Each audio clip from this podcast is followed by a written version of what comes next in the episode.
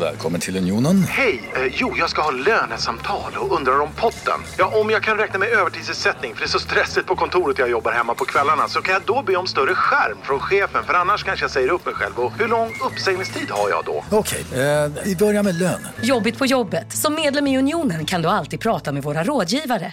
Hej, Synoptik här. Visste du att solens UV-strålar kan vara skadliga och åldra dina ögon i förtid?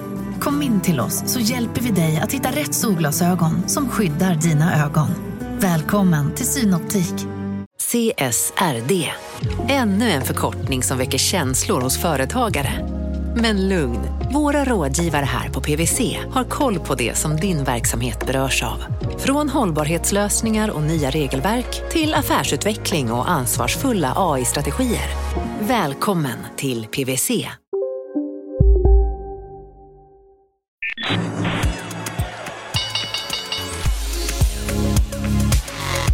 Här är Marknaden med Helene Rothstein. Hej och hjärtligt välkommen till podden Marknaden. Det här är ett program där du har en längre intervju på måndagar och ett eh, nästan liveinspelat veckomagasin på fredagar. Idag så ska vi prata om några färska börskollapser. Det blir Embracer, det blir senare Oatly och typ hela foodtech-branschen. Vi kommer också göra en utblick mot amerikanska börsbolag inför 2023. Jag heter Helene Rothstein och med mig i studion idag har jag Andreas Brock, fondförvaltare på Coeli. Vi har Viktor Lindström, analytiker på Redeye, Erik Sprinkorn, förvaltare på TIN Fonder och senare kommer även Johan Jörgensen, partner på Sweden Food Tech. Och vi har två från västkusten här. Det är Erik, eller hur? Stämmer bra. Ja, och sen så har vi Viktor. Stämmer. Och sen så har vi dig Andreas från eh, Hörby. Ja, från Skåne. Ja, från Skåne. Ja. Men Skåne säger man väl bara man är i Stockholm, annars så säger man väl ort, eller? Jo, men det stämmer. Det Ja. stämmer. Ja, eh, en Hörby, en, eh, Ja. En, en fin liten ort. en Liten. fin liten ort.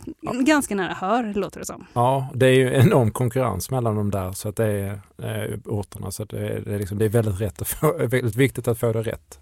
Ja, det är det. Ja, det är väldigt viktigt. Ja, men det har vi fått. Ja. Nu är det rätt i alla Ja. fall. Eh, hörni, gamingbolaget Embracer rasade tvåsiffrigt igår. Eh, det känner ni till? Skojar du? Skojar du? Och eh, Viktor, Ja. Viktor, eh, hur tolkar du den här rapporten? Eh, nej, men rapporten i sig var ju inte så, så dålig utan eh, största händelsen igår kan man väl säga är att eh, de drog ner sin guidance, Embracer ger ju guidance på helår. Mm. Eh, och de angav framförallt då tre saker till det. Eh, dels en svagare makroekonomi som påverkar mobil och eh, Asmodee, tabletop-delen.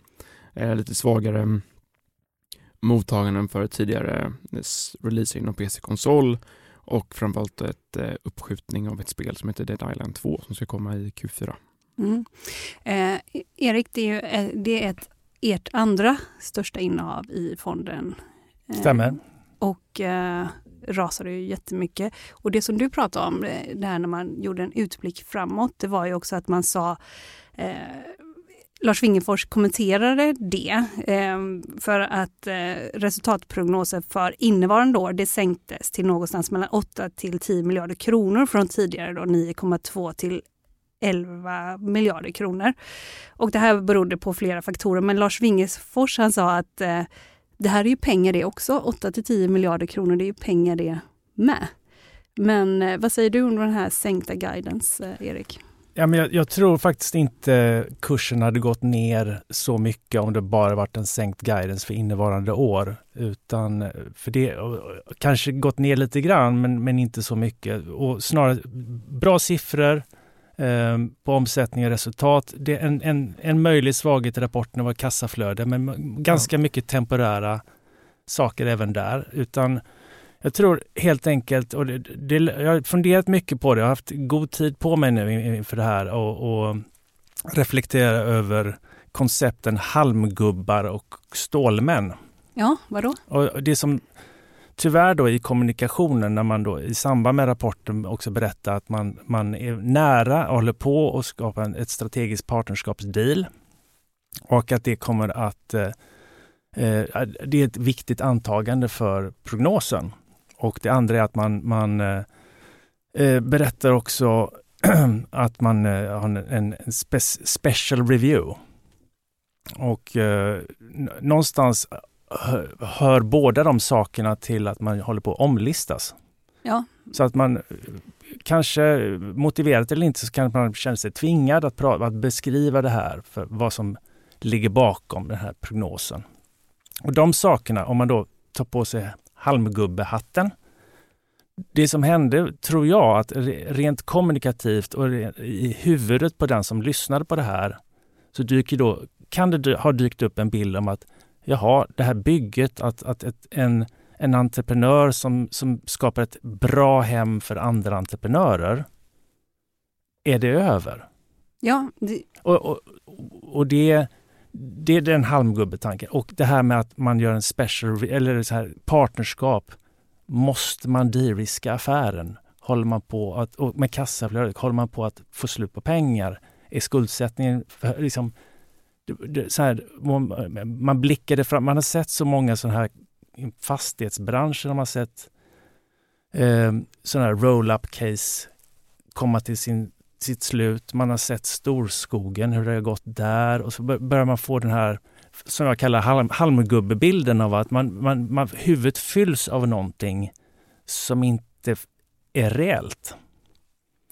Så om jag då ska försöka ta på mig Stålman-dräkten istället, alltså, ja, och, och, försöka förstå eh, Embracer på ett mer positivt sätt och i, i en slags bästa vilja och i och med att vi, vi har varit med sedan IPO så kanske det, det, och varit med i varenda emission som de har gjort sedan de kom till börsen och byggt fantastiska värden. Så med en sån dis full disclosure av att jag har en positiv bias, men, men jag är åtminstone medveten om den och, och deklarerar den. Men om jag då tar på mig Stålman-kostymen så kan man säga att Lars vill alla väl. Han tycker inte det är kul att lämna, att behöva dra ner en prognos på grund av makro, spelsläpp och liknande. Saints Row var ingen succé och så vidare. De tjänar pengar på det, men kunderna var inte var, var kluvna kring, kring projektet. Då, på det sättet så vill man kanske, men då är vi i alla fall berätta om det här partnerskapet som kan bli jätte, jättebra och jätte, jättevärdefullt. Inte bara de-riska utan faktiskt generera bättre vinster. Eh, och kanske har man då, vill man visa att man, vi, jag är stor aktieägare, jag tänker på alla aktieägare, så det är klart allting är på bordet och så pratar man om special review. Bara för att förtydliga att ingenting är heligt. Jag kommer göra allt jag kan för att skapa bra aktieägarvärde.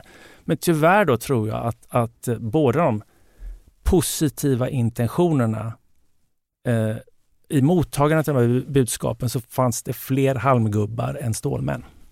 Så skulle jag vilja uttrycka det. Har du tänkt på halmgubbar och stå, stålmän? Eller? Ah, inte riktigt samma bana kanske, men eh, Razer har ju alltså, gjort sig kända för att alltså växa genom förvärv framförallt. Då. Dels organiskt men också via förvärv. Eh, och att man nog ska göra en review att sälja, det är alltså egentligen hela man kan ifrågasätta, inte bygget, men den långsiktiga strategin. Eh, och jag tror som sagt att eh, det är framförallt det som många kliar sig lite i huvudet över. Men man kan ja, men bör man?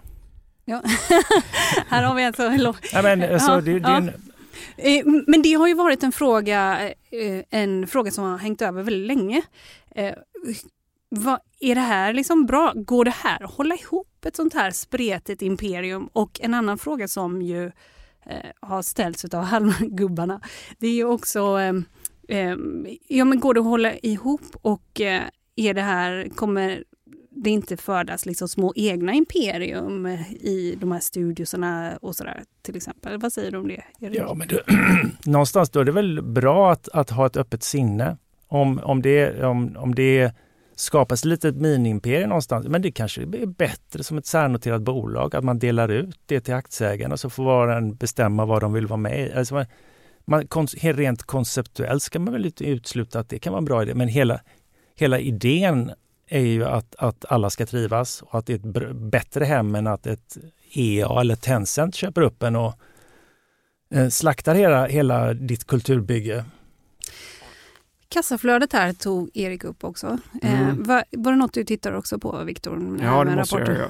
det måste du göra, ja. ja. Eh, nej, men jag håller med. Det var ju dels eh, den största svagheten i rapporten ska jag säga. ja. Eh, dels var det som sagt ja, negativt eh, på grund av, eller inte negativt, men en negativ påverkan på grund av lagerbildning i Asmodee i och med att de, Brädspelsdelen. exakt, Ja. deras eh, som starkaste kvartal är nästa kvartal, alltså Q3. Så då bygger man upp lager. Mm. Eh, och sen så var också en större del av försäljningen under kvartalet i september och då har man kunnat konvertera det till, till kassa. Innan vi fortsätter helt och hållet, Andreas, det här är inget bolag för dig. Nej, nej, vi äger inte den. Uh, vi, um, vi gjorde en, en review av, av sektorn för nästan fyra år sedan där vi gick igenom var i värdekedjor. Det här är ju en, det här är ju en industri man ska vara, ha exponering mot.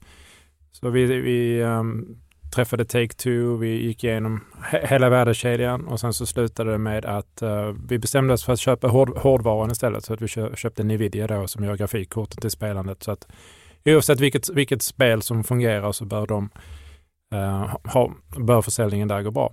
Det har varit en lönsam investering men uh, även det här kvartalet så har ju allt, allt inom spel går ju väldigt svagt just nu. Mm. Men det är ju en långsiktig trend man vill vara exponerad mot. Och förmodligen, i alla fall när det gäller Nvidia så är vi förmodligen på botten där. Liksom. Så att, eh, det, förhoppningsvis är det värsta förbi. Men ett bolag som Embracer, är det för mycket risk för dig? Och vad säger du om det här lite compounder-aktigt, det bygget i sig? Vad säger du om det? Ja, det, är, det, är väl inget, det är inget fel att göra förvärv. Så länge du gör förvärv och, och adderar synergier så har vi absolut inga problem med det. Hela, men hela, hela svenska verkstadsindustrin är byggt med det. Assa Abloy, ABB, Ericsson. Alla är, jättemycket, många företag är ju byggda. Atlas Copco gjorde 21 förvärv hittills i år. Liksom. Så, så, så bygger man ju företag. Frågan är hur man, hur man integrerar dem och eh, även då förklarar det. Och så länge du inte eh, anstränger balansräkningen så, så brukar, eh, brukar frågorna vara, vara få.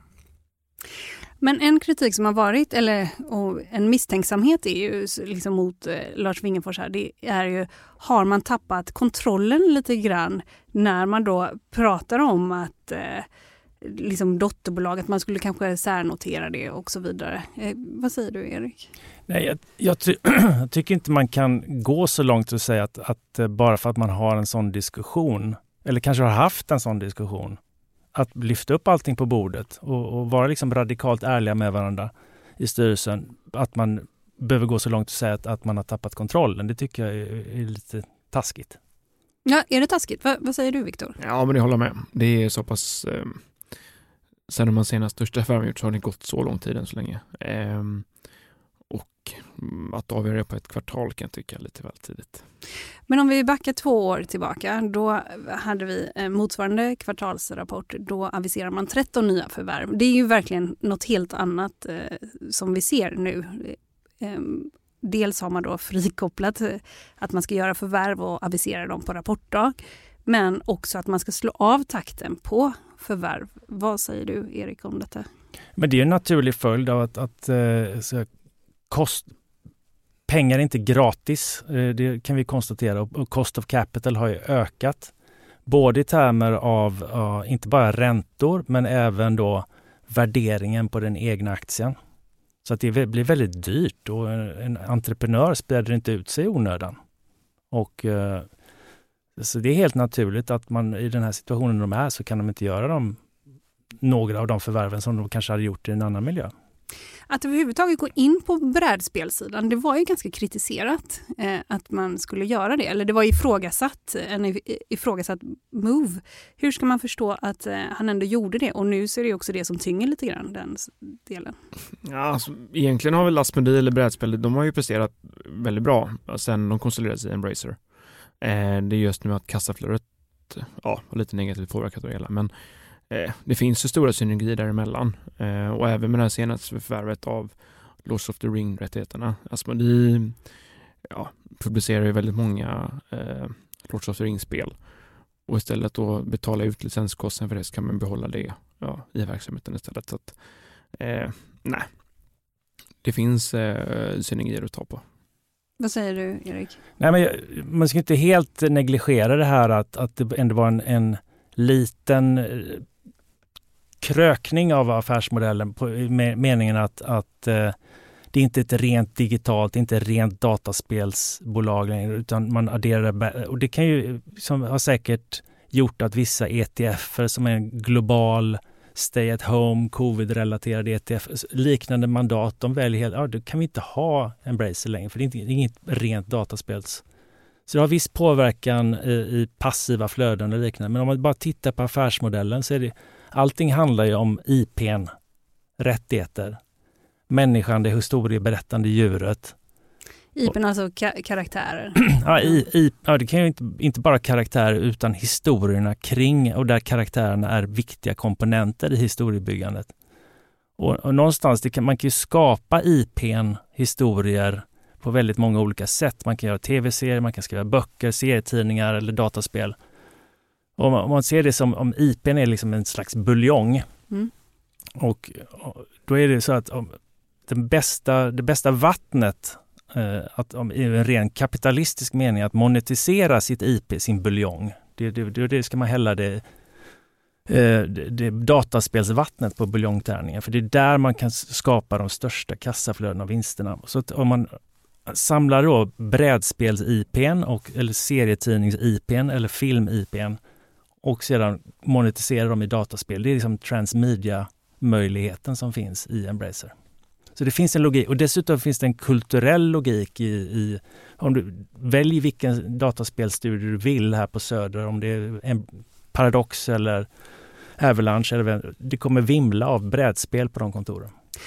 Eh, nu är det listbyte som är aktuellt. Det har tagit lite tid att gå till stora listan ju från eh, First Jag tycker de har gjort det på rekordtid ja, har de med, med tanke på, på eh, verksamhetens komplexitet, alla förvärven ja. som har gjorts. Det, det, de har gjort Färre transformeringen också. En, enormt arbete som har... Ja, men jag vet, jag träffade Lars Wingefors för två år sedan. Då var det här aktuellt listbyte, var något man pratade om då. Men nu så är det på gång. Vad får det för konsekvenser framöver att man då hamnar på stora listan? Ja, det är ett kvalitetstecken. Det är liksom ordning på torpet. Ännu mer ordning på torpet, eh, uppenbart för alla. Eh, det, alltså igen, tillbaka till passiva flöden så kan det tänkas, då är det mer eh, uppenbart för en del liksom mer passiva investerare att då måste man ha lite Embracer, annars tar man stor, har man en stor undervikt där. Eh, det också finns vissa investerare som inte kan investera på First North, som inte är en börs, det är en MTF. En så att, att de blir, eh, kommer in på, en, eh, på huvudlistan, det gör ju att, att fler eh, investerare kommer att efterfråga aktien helt enkelt. Um, framöver bara, vad är den största utmaningen skulle du Viktor säga i Embracer? Idag? Mm. Um, ja, men det ska vi säga att um, mycket av den här strategin, transmedia-strategin som Lars lägger fram, det är ganska långt fram i tiden. Så man får verkligen uh, lita på Lars. Och sen är det som sagt att uh, majoriteten av senaste spelsläppen internt har varit eh, ja, under förväntan. Eh, så att det blir en liten inom deras PC-konsolverksamhet. Så att försöka ja, att få tillbaka den, eh, det förtroendet för, från marknaden ska jag säga. Vad säger du? Ja, alltså titta lite, skärskådar lite grann siffrorna för eh, deras ROI. Så om man tittar på vad de investerar i sina spel, eh, de visar alltid ett bra eh, bra chart på det i sina presentationer. Över 50 spel nu med tid från lansering och, och eh, vilken multipel man har då i, i, kontribution från relativt den investering man gjort. De ligger på runt 2,4. det var ner från 2,9. Eh, alltså justerat för Saints Row, det här stora spelet som, som gick så, sådär eh, så var, eh, var det 2,9 och tar man skillnaden där och vet att Saints Row hittills då, så här kort efter lanseringen, ligger på 0,9. Det vill säga att de gör, de kommer inte förlora pengar på det spelet. Det kommer liksom samla in så mycket intäkt så att det betalar sig. Men det, backar man ut där då så kan, kan man förstå att Saints Row har kostat sådär 1,1 till 1,2 miljarder att utveckla. Det är en ganska stor pjäs. Och då vet vi det att Embracer har 25 stycken AAA-projekt i portföljen. Så över ett antal år då, så om man bara tar Saints Row som ett rättesnöre så är det ja, 25-30 miljarder kanske som ska till för att realisera dem. Mycket av det är ju taget redan. Eh, men det är klart att det är där någonstans det gäller att exekvera på de här AAA-titlarna över de närmaste åren. Ja, för titta, men jag har ett eget eh, Excel-ark där jag kollar på Erwin. Eh, och som du säger, Erik, så har den legat runt ja, 2,3 on average, men på rullande 12 nu så är den nere på 0,9 ungefär. Så att, eh, men då är det stor påverkan då från gigantiskt eh, stort spel på 0,9? Ja, men sen var den 1-0 förra kvartalet. Så att det finns ju en, ehm, eh, som sagt att, eh, ja, det är väl lite förtroenderabatt inom PC-konsol som sagt och det är väl eh, den som eh, ja, behöver komma tillbaka. Jag tyckte han såg lite trött ut, Lars Wingefors, nu när han presenterade sin kvartalsrapport. Det, det är november, kom igen. det är november. det är november, det, det är okej okay att vara lite trött. Ja. Nej, men jag, eh, var det något ni tänkte på? Jag tyckte det var inte var så hög energi det där. Nej, jag, jag, jag, alltså, du nämnde att de har frikopplat det här med förvärv från ja. rapporttillfällena. Ja. Och det, men innan de gjorde det så kunde de ju sitta till halv sex på morgonen och, och rita färdigt de sista bokstäverna på kontrakten och sen skulle rapporten ut. Lars sov inte alls hela natten. Då hade han sina tillfällen när han såg väldigt trött ut också. Men det är klart att jag tror igen då tillbaka till att han vill alla väl. Det är, ro, det är inte roligt för honom Nej. att dra ner en prognos och det, det tror jag påverkar. Men annars, han, jag tror han var ganska pepp och vill, vill nu kommer jag här med eh, visa att jag bryr mig om aktieägarna med special review och liksom väldigt nära en, en transformativ eh, licensaffär. Och bägge de liksom blev motsatta effekten. Mm. Okej, vi ska alldeles strax byta ämne efter det här. Marknaden sponsras av SPP, pensionsbolaget. Eh, förra gången pratade vi lite om ITP och som en kort repetition så, så var det ju 70-tal, arbetsmarknadens parter bestämde att alla tjänstemän ska ha en tjänstepension. Man kom överens om vilka villkor som ska gälla i den här pensionen och så kallade man den för ITP. Så jobbar man idag som tjänsteman i ett företag med kollektivavtal, då har man förmodligen den här pensionen, ITP-pensionen. Eh, och det är ju så att man kan påverka eh, den här pensionen, hur den är placerad. Vart femte år så gör nämligen Collectum, som de heter, en enorm upphandling där olika pensionsbolag kan ansöka om att få förvalta eh, de här pensionerna. Och SPP är ett av bolagen som valdes ut i den senaste upphandlingen. Och sen kan du som pensionssparare välja eh, vilket av de här olika pensionsbolagen som, som då ska få ta hand om dina pengar. Och tanken med den här upphandlingen är ju att liksom kvalitetssäkra de här olika alternativen eh, men också att förhandla fram stora rabatter så att pensionsspararna ska få ja, kunna spara pengar genom att avgifterna eh, som är så viktiga eh, blir eh, lägre. Och vill man välja någonting i ITP-systemet då finns det en relativt ny sajt som heter avtalat.se. Ehm, där kan man gå in och se hur sin ITP-pension är placerad. Jag gjorde det häromdagen faktiskt. Ehm, idén är att hälften av pengarna alltid ligger i något som kallas för traditionell försäkring. Det här gjorde vi ett avsnitt om i podden Kapitalet nyligen eh, som vi kallade världens bästa sparform. kan man lyssna på om man är intresserad. Eh, den andra halvan eh, den kan man också lägga i en traditionell försäkring eller så kan man placera det i något som kallas för fondförsäkring. Eh, SPP som sagt eh, var ju ett av de fåtal bolagen som valdes ut i den senaste upphandlingen och de finns med som alternativ både med en traditionell försäkring och med eh, fonder. Så det var en liten bakgrund till ITP-systemet. Vill man läsa mer om det här eller typ kolla hur ITP-pensionen är placerad, eh, kanske göra förändringar, då går man in på avtalat.se. Eh, men tack säger jag till SPP som vill göra oss människor mer medvetna om hur enormt viktig pensionen är för oss som en framtida lön, men också som en positiv kraft i samhället eh, och förstås för att ni möjliggör eh, den här podden Marknaden. Vi har precis pratat om Embracer och eh, på Rapport så föll eh, rasade aktien med 20 procent. Detta är något som vi har sett flera rapporter, inte minst på den amerikanska marknaden så har det varit enorma rörelser på Rapport. Och ni har ju mycket på den amerikanska marknaden, Andreas. Hur ska man eh, tänka när det faller så här mycket på Rapport och hur brukar du tänka? Ja, ja men det, det, det, är ju nästan komiskt. Är, um, så i globalfonden då, vi har ju 60 procent i USA och jag älskar amerikanska bolag. Uh, de är ju så otroligt välskötta. Um, men men eh, det, är det är jätteskoj. Alltså, så, eh, Med skoj menar jag liksom att du får, oavsett nästan vad företagen rapporterar om det, men är det liksom en halv procent, sänker de guidance en halv procent så är det liksom minus 12. Och sen så fem dagar senare så är aktien tillbaka igen. Det finns ju pengar att tjäna där. Så det gäller ju att vara, läsa siffrorna och liksom vara, vara kall. Köper man eller säljer man på det här? Men det är ju jättetydligt att det är ju enorma mängder pengar i, i de här robotarna som bara ska ut. Liksom lowered guidance, då är det liksom minus 12. Eh, Men det intressanta är ju, ja, fem dagar senare så är vi liksom tillbaka igen. Det här är ändå något som är relativt nytt, att det svänger så himla mycket. Eller sen något år tillbaka Ja, men det, men det är det jag menar. Det är, näst, det är kumiskt. Det, det, bör- det är liksom, det, det, det är, i början när det liksom backar 7-8 år så var det minus 5-6. Men, men då kanske Erik tänker nu komiskt för vem? Han sitter här och har jättemycket Embracer, 20 procent, inte komiskt. Nej, det, det är Nej, inte komiskt. det, det, är- det, är inte, och det, är inte, det är inte helt komiskt att för, för anledningen till att det blir så här kraftigare rörelser det är att det är, det är mycket större passivt ägande på börsen Mm, idag än bara för tre fyra år sedan. Mm. Och inte bara indexfonder utan liksom helt regelstyrda mandat. Mm. Nej, men- Du, du, att du, vi- du menar tragikomiskt? Ett tragikum. Ja, ja, ja, ja. Nej, men eh, och, och, Eller? Erik har ju helt rätt. Alltså, vi är ju väldigt få som sysslar med det här som, som, som TIN Fonder och KL Global gör. Liksom aktiv förvaltning på riktigt. Det är, det är väldigt få som sysslar med det. Majoriteten är precis som du beskriver det. Eh, passivt eller, eller, eh, eller, eller flödesstyrt och så vidare. Så att, Min, min personliga favorit är ju vol, vol targeting strategies. ja, ja, den är skön.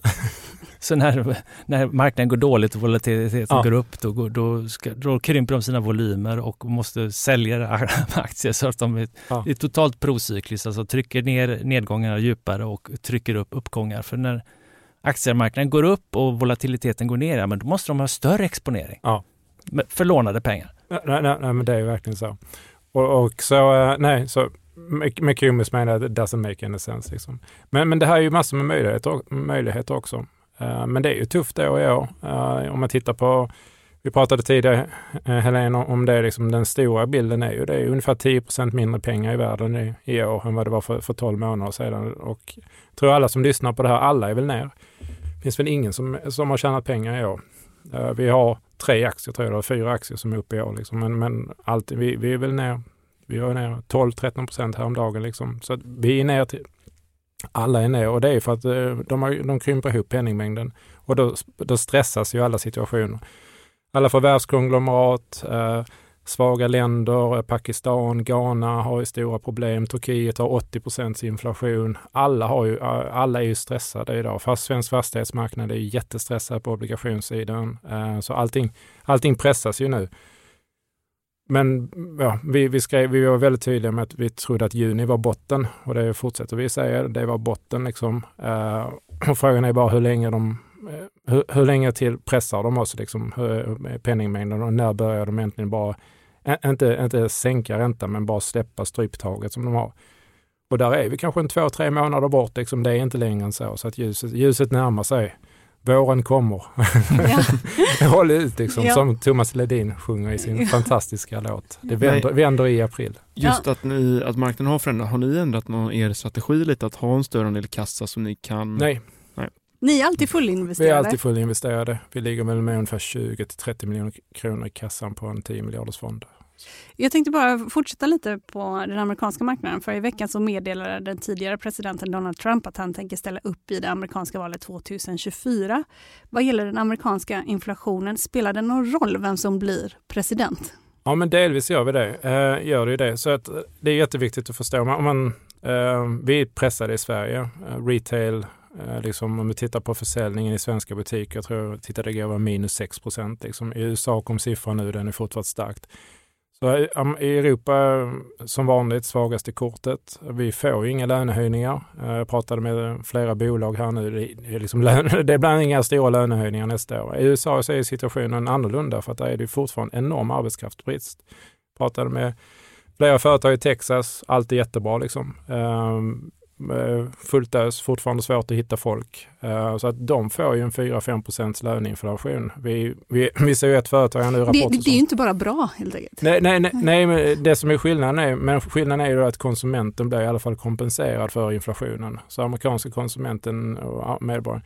Men problemet de har med USA är att de hade behövt ta in en, Vad de behövt ta in en 4 procent. Jag säger att de behövt ta in en 5-6 miljoner människor för att liksom få igång, dels för att ekonomin ska kunna leva till sin fulla potential. För det är jättemycket nu som inte, det är massor med vägar som inte kan byggas. Det är massor med försvarsmaterial som inte kan tillverkas och det finns inga människor. Finns inga människor. Uh, och anledningen är att USA saknar det, det är ju att mm, Trump införde ju väldigt höga restriktioner för immigration och sen kom corona på det ju.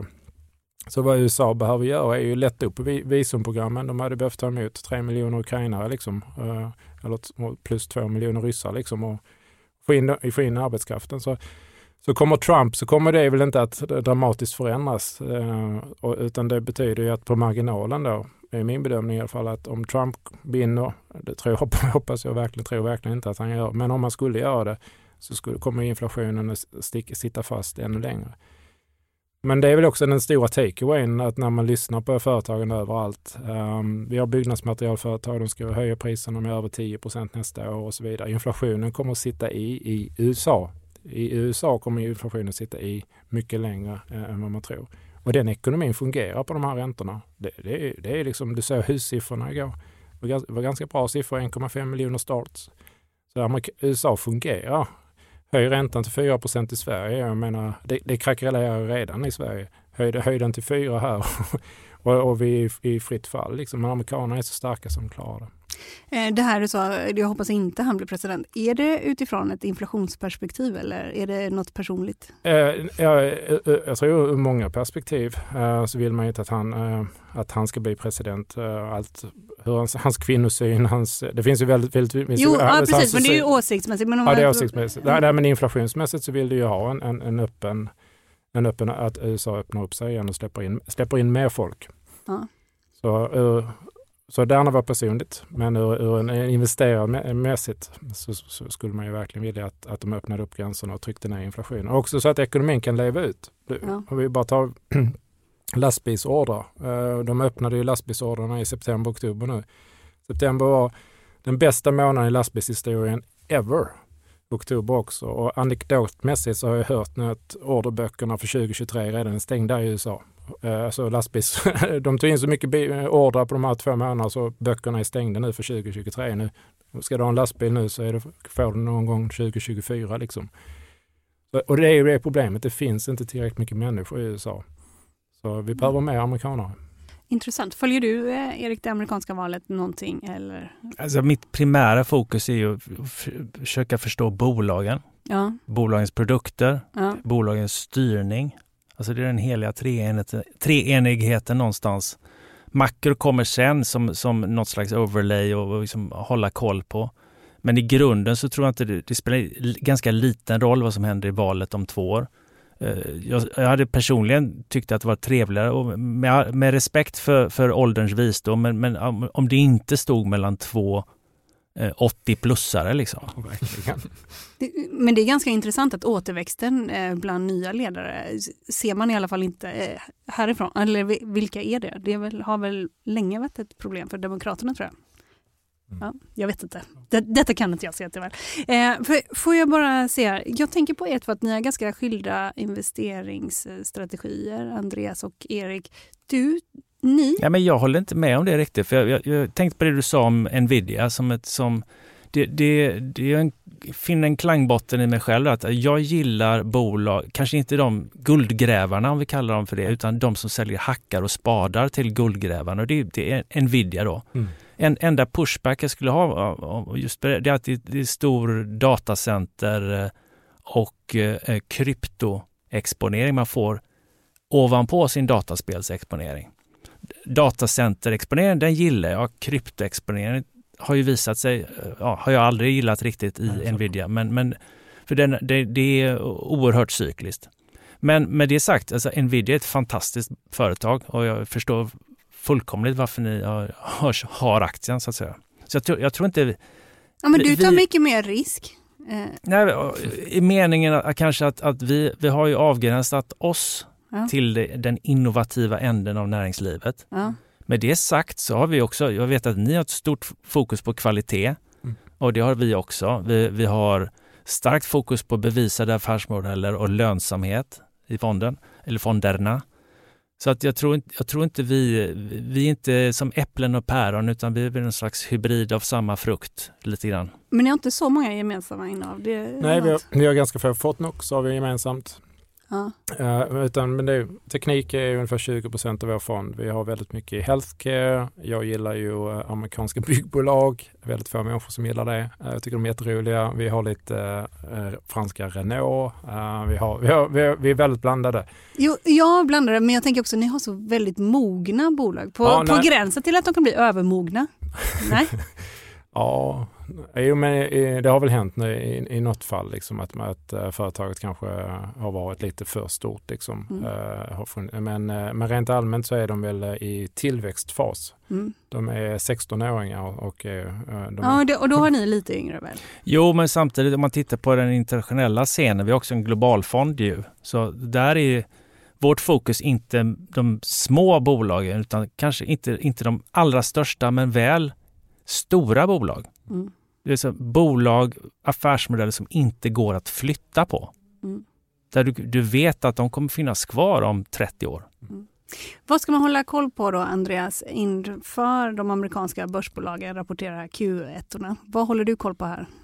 Ja, Det är ju väldigt bred fråga, en, jag förstår. en väldigt bred fråga. Nej, men frågan är ju hur länge, när- när, viker konsumenten i USA? Liksom, den får inte vika. Eh, om man lyssnar på American Express, liksom, siffrorna, eh, konsumenten är fortsatt väldigt stark och det är ju den som håller igång eh, festen liksom, fortfarande globalt. Europa har vi gett upp och i Kina är liksom, eh, dödförklarat. Vi hoppas att de vaknar till liv nästa år. Men skulle den amerikanska konsumenten börja vika, då har vi allvarliga problem. Eh, samtidigt så, så det jag lyssnar på bara för, vi fokuserar på bolagen också, men, jag tycker väldigt, det, är mycket, det är väldigt roligt att prata makro. Eh, så om man lyssnar på Powell- Börsen verkar makrostyrd. ja, ja, ja, det kortsiktigt är det, Ja, det, långsiktigt är det alltid bolagen. Ja. Men, men, men Powell sa ju två gånger, upprepande två gånger under senaste samtalet, att han, de står ju redo att göra en 180 graders uh, U-sväng här. Så att skulle amerikanska ekonomin gå in i väggen så kommer de att omedelbart uh, reversera sin kurs. Eh, och, eh, och han betonade det två gånger under, under det här, då, att vi, de är redo. Liksom. Han gjorde nästan med ett leende på läpparna. Så att går amerikanska konsumenten in i väggen i mars, februari-mars, då kommer räntesänkningarna och då blir det börsfest igen. Och det, och det är väl viktigt att förstå det att just korrelationen mellan BNP-tillväxt och börsutveckling är eh, noll eller nästan negativ. Eh, både i utvecklade länder och utvecklingsländer. Att det finns ingen korrelation mellan de här två. Så att man kan ha om USAs BNP faller nästa år så kan det li, eh, likväl betyda att vi har en väldigt stark eh, börsuppgång. Men vi, vi tror det värsta är förbi. Det värsta var ju någonstans i juni, juli. Eh, där var botten liksom och nu är vi i en försiktig tillväxtfas. Det andra är väl hur, hur stark kan dollarn bli? Amerikanska företag har ju inte klagat på den starka FX-kursen förrän nu. Det här var ju första kvartalet när verkligen de sa liksom att nu börjar det bli jobbigt uh, med FX-kursen. Uh, så att uh, vi har varit ute och sagt att vi trodde dollarn skulle gå till 11-12. Eh, vi framstod som idioter när, när, eh, när, när, kursen var på 8-9 och vi sa sådana saker. Men, men där någonstans så började det göra ont och där är vi just nu i USA. Liksom så. Och där, så, dollarn har väl i alla fall temporärt eh, peakat. Liksom. Men rent allmänt USA går väldigt starkt och eh, de här infrastrukturprogrammen är ju redan lagda. Massiv eh, eh, onshoring, att man flyttar hem produktion. Det är ju helt brutalt de sista, den här rapportsäsongen. Det är hur många företag som helst som pratar om det. Så amerikanerna flyttar ju, alla flyttar hem fabrikerna från Kina. Eh, och det här är liksom, det här är en mega, mega trend. Och vi eh, köper och köper företag som har mer och mer exponering mot. Kan du säga något? Absolut. Eh, Vi äger småbolag som eh, Note i Sverige. Eh, Vi äger Incap i Finland. Vi har Comfort System eh, som är en stor eh, Texasbolag som, som sysslar med det här. Men vi har även våra byggbolag Sterling Infrastruktur och Martin Marietta som gör sten. Mm. Så det är fem bolag där. Men det här är en megatrend. Så eh, världen delas upp eh, och eh, alla förbereder sig för konf- konflikt eh, och alla vill säkra sina produktionskedjor. Eh, och tillbaka till den, och det var ju Trump som initierade det här, eh, att liksom, eh, med handelsbarriärer och så vidare. Så, så Trump inledde ju början på slutet av globaliseringen och nu är det ju mer Ja, nu har vi ju krig och så vidare. Ju... Ja, precis. Och alla förbereder sig för konflikten USA-Kina som vi verkligen inte hoppas händer. Men alla förbereder sig. Om man lyssnar på Raytheon som gör försvarsmaterial. Vi investerar inte i försvarsmaterial. Vi gör inte olja, gas, försvarsmaterial, alkohol och så vidare. Men om man lyssnar på deras konferenssamtal så säger de att de har ungefär 2000 delar som fortfarande görs i Kina. Och allt det här ska ju flyttas hem. Men det finns inte folk. så, så, att, uh, så mycket kommer förmodligen hamna, hamna i Mexiko eller, eller, liknande länder. Go West young man och jobba i vapenfabrik. ja, ja, men, ja, men precis. Nej, så att, uh, ja, nej. Ja, och det blir kul. För ni bara som eh, Viktor och Erik, Eh, vad det gäller spelsektorn, vi pratade lite om Embracer, men ni har ju flera spelbolag och du bevakar ju också flera spelbolag. Vad ni har, säger jag till dig Erik, till fonder och ni bevakar flera på Redeye. Vad tycker ni är liksom mest intressant som man ska hålla koll på inför Q1 som kommer här framöver? Tänker Q4 då? Ja, jag menar Q4 till dig med. Ja, jag förstod det. Ja, ja. ja. nej, men om du vill ha... Jag har flyttat fram helt i mitt huvud. Ja, inför Q4. Ja. Eh, ja, du var inne på det, eh, och valuta. Och det är någonting, jag, jag, är ganska förlåtande mot amerikanska bolag. För det, dollarn har varit gruvligt stark mot mycket, så det syns ju då i negativa termer i deras... Så det gäller att titta på det underliggande, hur det går. Eh, på motsvarande sätt så, så är vi, ger vi ju noga akt på vad en positiv dollareffekt i det här året, i de här kvartalen, och så måste man titta på vad, vad är det underliggande exklusive den här eh, gratisvinsten så att säga. Så det, det är en, ett tema som, som eh, jag kommer följa noga i Q4 och givetvis ännu viktigare är ju eh, den där underliggande är håller det i sig? Vi har ungefär 20% organisk tillväxt om man tittar på hela portfölj, båda portföljerna det, det, det är viktigt att, att den här takten eh, håller sig någorlunda intakt. Eh, för gör den det och på, från de värderingsnivåer vi är nu så, så kan, kan, man se framtiden an ganska optimistiskt. Men det är klart att om vinsten börjar falla så det är en annan story. Mm. Vad säger du Viktor? Nej, men just på tal om uh, valutaexponering och sånt. Många redovisar det på försäljningen men inte på vinsterna. Så att uh, jag håller med om att det är viktigt att kolla på underliggande. Eh, sen generellt sett i spelsektorn så har ju ja, värderingen havererat totalt så att eh, mm.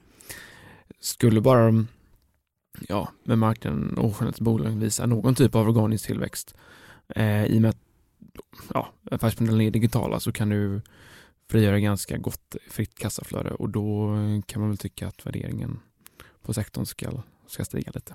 Det tycker du också Erika? Det... Ja men det, det är intressant, men ingen kan ju, alltså, ja, inbjuder vem som helst att, att ha en stark åsikt om när marknaden vänder definitivt uppåt. Men, men hur den vänder, det kan, vi, det kan vi ha ganska bra åsikter om. Och det, typiskt sett så är det alltid uppför en vägg av oro.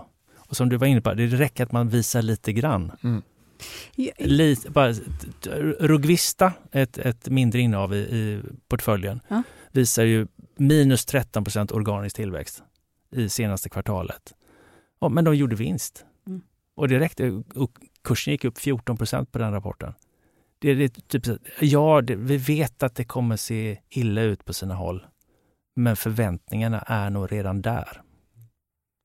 Eh, innan bara vi byter ämne, vi ska prata här om foodtech och lite kurskollapser, börskollapser som har varit där också. Så säga, det har inte varit din vecka va Erik? Du har, för, först var det så här Embracer och innan dess var det Sint som där Nordic Capital sålde av jättemycket, också ett annat innehav vad, det har inte varit i en vecka eller? Nej, det, men det, och så är det november också. Ja. Precis.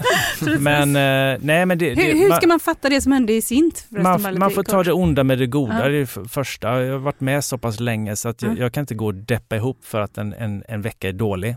Det, det går inte. Men, men uh, Sint i, i, saken i sig där, det, um, det var väldigt stor rabatt som de tvingades sätta för att bli av med de här 8% av bolaget. Och eh, i en perfekt värld, om man nu inte är en långsiktig ägare, så hade jag hellre sett att, att de gjorde en clean-up, alltså att han sålde allt. Och jag tror till och med, och nu pondus postulerar jag, att de hade kunnat göra det till ett lite, lite, lite högre pris om de hade gjort allt. Tror du de var pressade, squeezade på något sätt? Skulle stänga en fond eller vad? Det får du faktiskt fråga Nordic. Ja. Det är inget du tänker? Nej, jag vill inte spekulera om det. Nej. Du har inte pratat med dem heller? Nej. Nej. Okej, eh, tack så mycket. Vi ska strax byta ämne. Eh, marknaden sponsras av Karla. Eh, vi pratar ju en hel del om bilar här på kontoret. Eh, Karla har ju skapat, skulle jag säga, det som är standarden för hur man idag köper och säljer bilar eh, på nätet.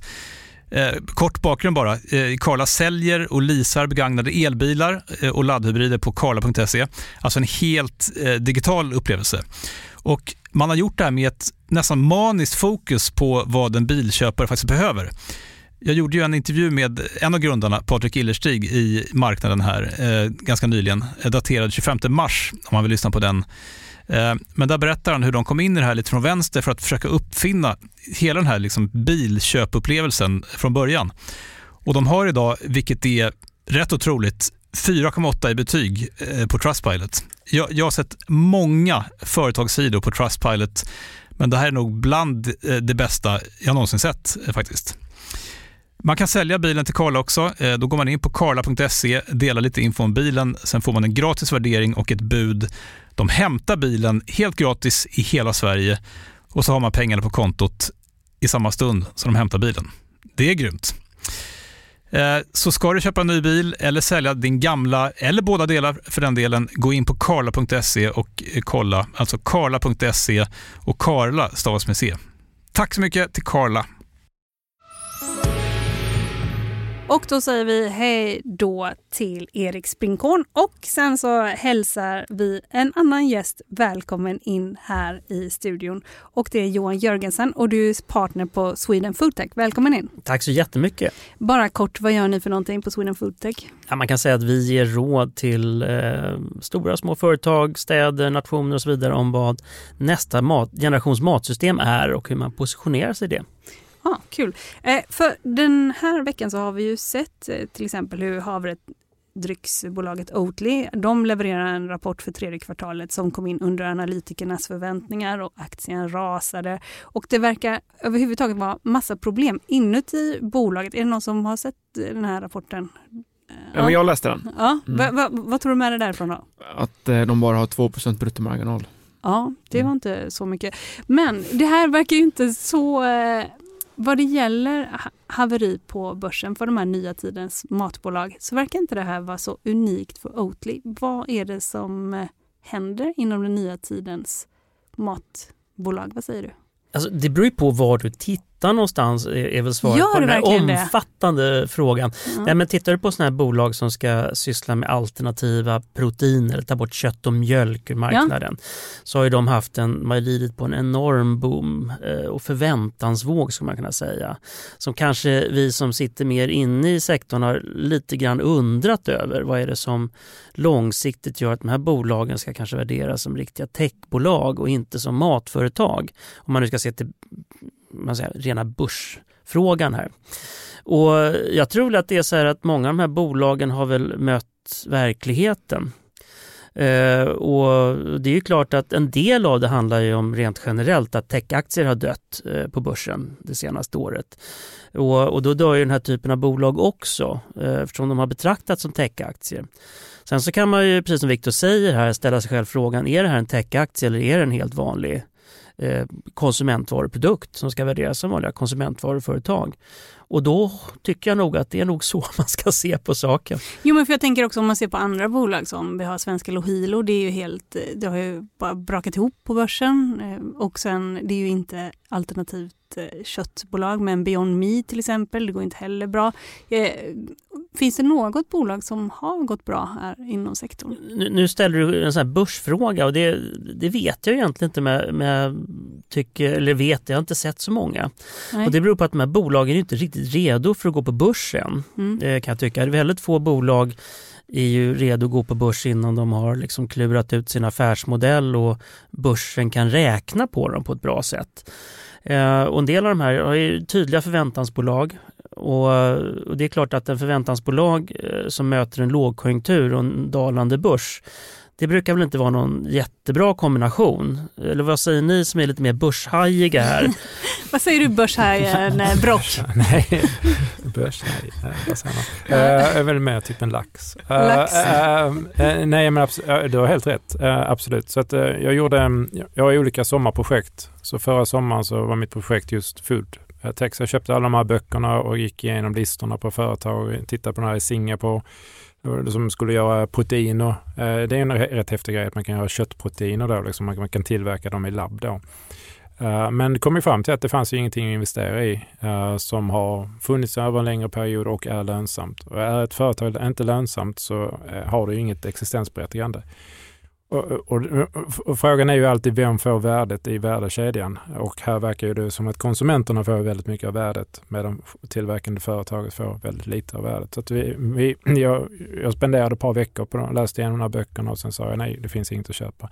Men sektorn i sig är ju kanske köpvärd om 10, 15, 20 år. Precis. Så det gäller att läsa på sig nu, börja följa dem och sen så det kan ju dröja 10 år innan, innan det finns någonting att köpa. Exakt, vi ska ju komma ihåg att det här är ju ett av de här megaskiftena som som sker i världen. När vi går bort från kött och mjölk till att hitta andra sätt att tillfredsställa våra kött och mjölkbehov. Och det här är ju närmast oändlig marknad. Tittar du på den globala köttmarknaden så är väl den i producentledet värd ungefär en biljon dollar. Någonting. Det är ganska mycket. Och vi vet ju också att den här kött, vi måste ta bort kött om vi ska klara klimatet. Så på ett eller annat sätt så kommer kött att ersättas om inte vi vill att människans förutsättningar, planeten jorden, ska försvinna. Och det vill vi ju inte. Ja men det här undrar jag lite över. För nu har det ju varit, man har reviderat eh, man har ju sagt att vi kommer inte nå de här uppsatta målen som vi har kommit överens om till 2030. Nej, men, nej, men det är kört. Ja, det är kört. Nej, det är kört, det ja, håller jag med. Men, och, det innebär inte att vi inte kan fortsätta att försöka åstadkomma den här förändringen. Men, eh, det, det, kan man ju tycka, men tycker konsumenterna det? Nej, men så här, tittar du på köttmarknaden då så är den indirekt subventionerad ganska hårt. Exempelvis med att korna inte står för de utsläpp av metangaser som de faktiskt ägnar sig åt. De är ju en av de största metangasutsläpparna på planeten. Jag såg en undersökning man tittade på om, om kött skulle stå för sina egna kostnader så skulle producent i producentledet då kött vara sådär 150 procent dyrare. Och då kan vi fundera över vad det där blir i slutkonsumentledet. Och jag tycker egentligen att när man tittar på den här sektorn så är det precis som du sa där, att det, vi måste titta på det lite mer långsiktigt. Och analysen är ju klockren för de här bolagen. Vi måste ersätta kött. Folk, är, folk kan inte ersätta kött med någonting som de inte känner till och vet vad det är. Så då måste vi ha hamburgerplättar. Eh, vi måste fortsätta äta hamburgare. Och då måste de där vara gjorda på något annat sätt än de är idag. Och, och då har man börjat ta fram de här egentligen grönsaksrecepten som ett Beyond eller ett Impossible har.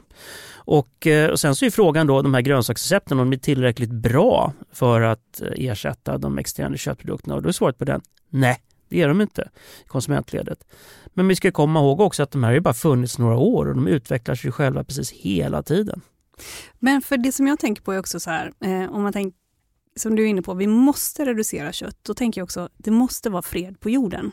Det är inte alla ändå som verkar för det. Om du säger att det här är också subventionerad marknad med köttindustrin till exempel, det är ju politiskt drivet då, till exempel med bönder som får bidrag och sådär och det är därför man kan hålla på sådär. Menar du också att det ska till politiska skiften för att de här bolagen, eh, de, den nya tidens mat, att de ska komma igen? Ja, självklart. Alltså det, det här är policydrivna skiften.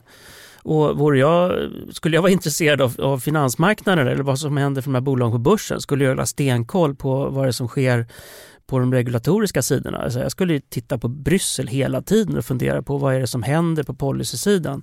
För eh, plötsligt, förr eller senare, så kommer den där dagen att komma eh, när man inser att ja, men det blir kanske en, låt oss kalla det för en köttskatt då, lite skändligt, den kommer inte kallas för det, va? Men, men den effekten, när den kommer, vad händer då? Ett, vad händer med köttbolagen?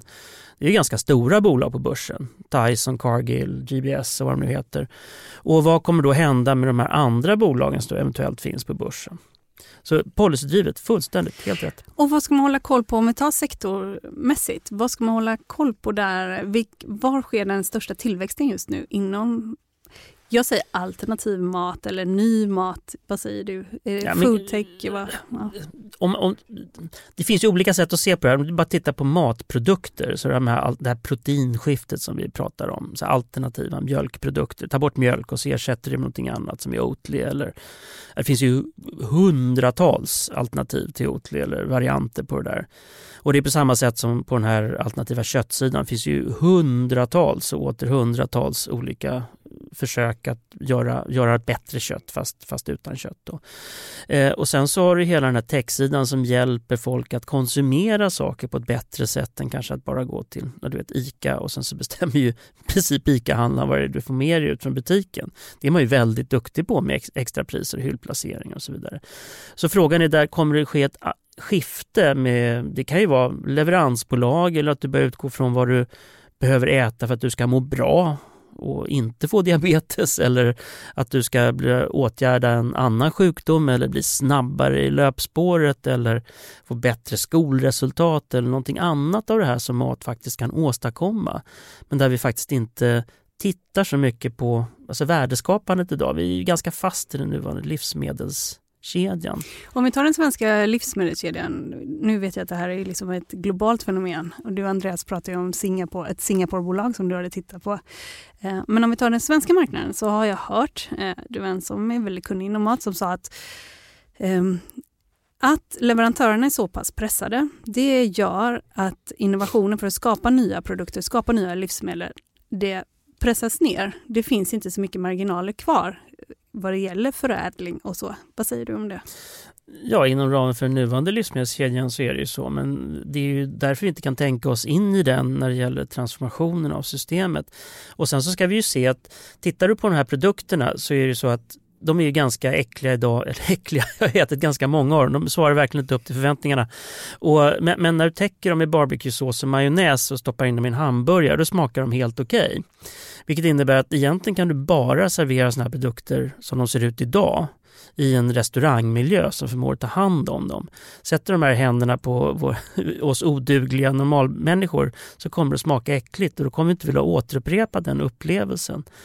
Det här är ju dock någonting som kommer att förändras över tid. Och det som jag tycker är roligt med utvecklingen för de här labbodlade kötten. Och det är kul att vi sitter här idag förresten. Eh, idag så var det så att eh, Upside Foods, ett av de här ledande bolagen i USA, fick klartecken av FDA, alltså eh, läkemedels och matmyndigheten där, att deras produkter som är labbodlad kyckling är helt okej okay, serverat till konsumenter. Så här, pang, regulatoriskt godkännande, underbart alla andra produkter kommer ju också kräva ett regulatoriskt godkännande men nu har ju liksom proppen gått ur den tunnan i USA. Tidigare var det ju bara Singapore.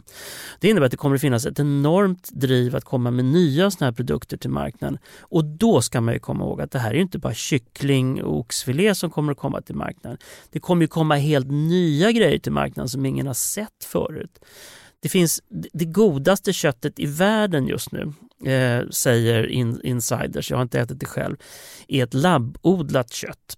Och det här labbodlat köttet består då, säger återigen folk som kan det här, är, består av vaktel och alligator i en öm förening i, i, cell, cellodlingen. Och det där skapar den här typen av nya sensationer. Men vänta, det är kött eller vadå? Ja, det är kött. Det är köttceller från alligator och vaktel blandat.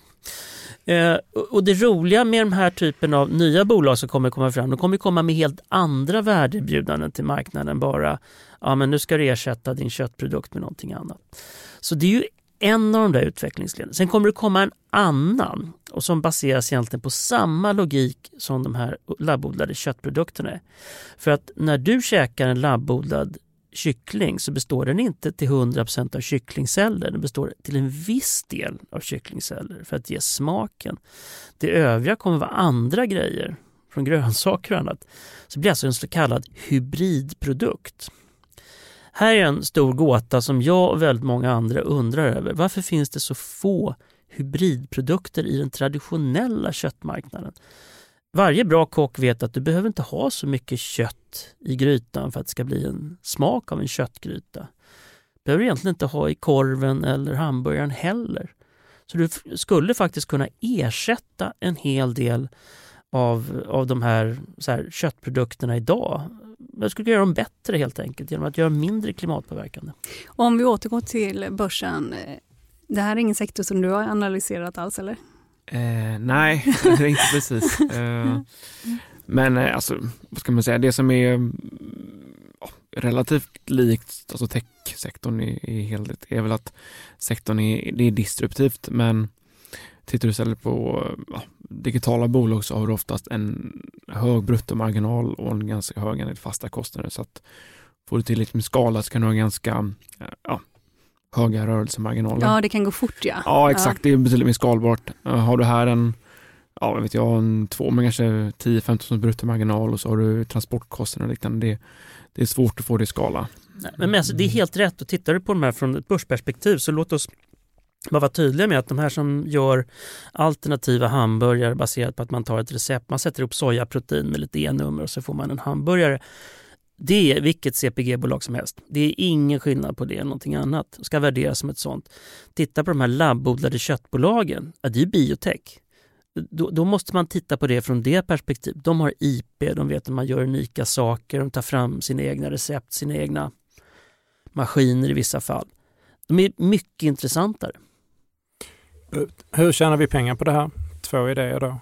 Helene. Jag, jag tänker det första när det gäller biotech då. Så vi äger ju fonden Thermo Fisher. Det är ett Boston-baserat företag som är då etta i världen på att förse den här eh, typen av företag med den utrustning de behöver för att ta fram det. Senaste kvartalsrapporten, biotech är området som går starkast. De växer väldigt kraftigt. Så oavsett hur vi ska ta fram det här så behövs det massor med labb och de labben behöver utrustning. Det andra är ehm, tillbaka till eh, rent allmänt inflation och matinflation och klimatomställning och så vidare. Vi kommer inte nå de 1,5, det är kört. Liksom. Och vi kommer få massor med, världen kommer bli varm. Människan hann inte, kunde inte, ville inte ställa om sig. Eh, vilde är väl ordet, tyvärr. Ja, men det, ja precis. Eh, vi vill inte ställa om oss. Vi, eh, och, eh, så det kommer att bli varmt och skördar kommer att slå fel överallt. Nu var det nog i Egypten var det massor med problem. Det var senapsfrö. Det, det här kommer att leda till inflation. Axfood, om vi tittar på dem, den senaste matinflationssiffran var 14,5 procent.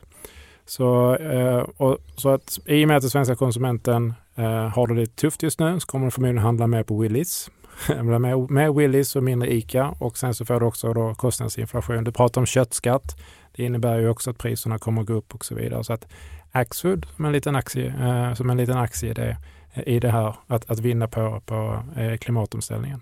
Mm, har, har, du Axfood själv? Nej, vi har inte den formen. Ja, har ni några matbolag? Ja, du har det som levererar Eh, så som jag själva medicinska utrustning. Ja. Nej, nej vi, vi, har inga matbolag. Nej. Svår bransch. Jag tycker alltid det är någon kycklingpest någonstans eller någon laxpest som slår ut någonting. Det är alltid några problem. Liksom. Så det är svårt att äga de som tillverkar det. Men mm. däremot så äh, om, om jag ska skicka med lyssnarna någon aktieidé så är det väl en Axfood hade, vi, hade jag gärna spenderat mer tid på. Jag ska, jag ska hålla med dig där och det som är roligt med Axfood äh, är också att de jobbar ju aktivt med omställning, alltså tittar aktivt på nya proteiner, titta på nästa generations matsystem, kanske lite mer än många av sina konkurrenter.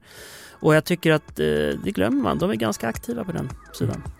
Hörni, stort tack för att ni kom hit. Du har lyssnat på podden Marknaden med mig, Helene Rådstein. Producent är Jesper Hagenborn, ansvarig utgivare är Jakob Bursell och den här podden den ges ut av Monopol Media. Marknaden är tillbaka redan på måndag med en jättekul entreprenörsintervju. Ha en trevlig helg så hörs vi då. Håll ut, hej då!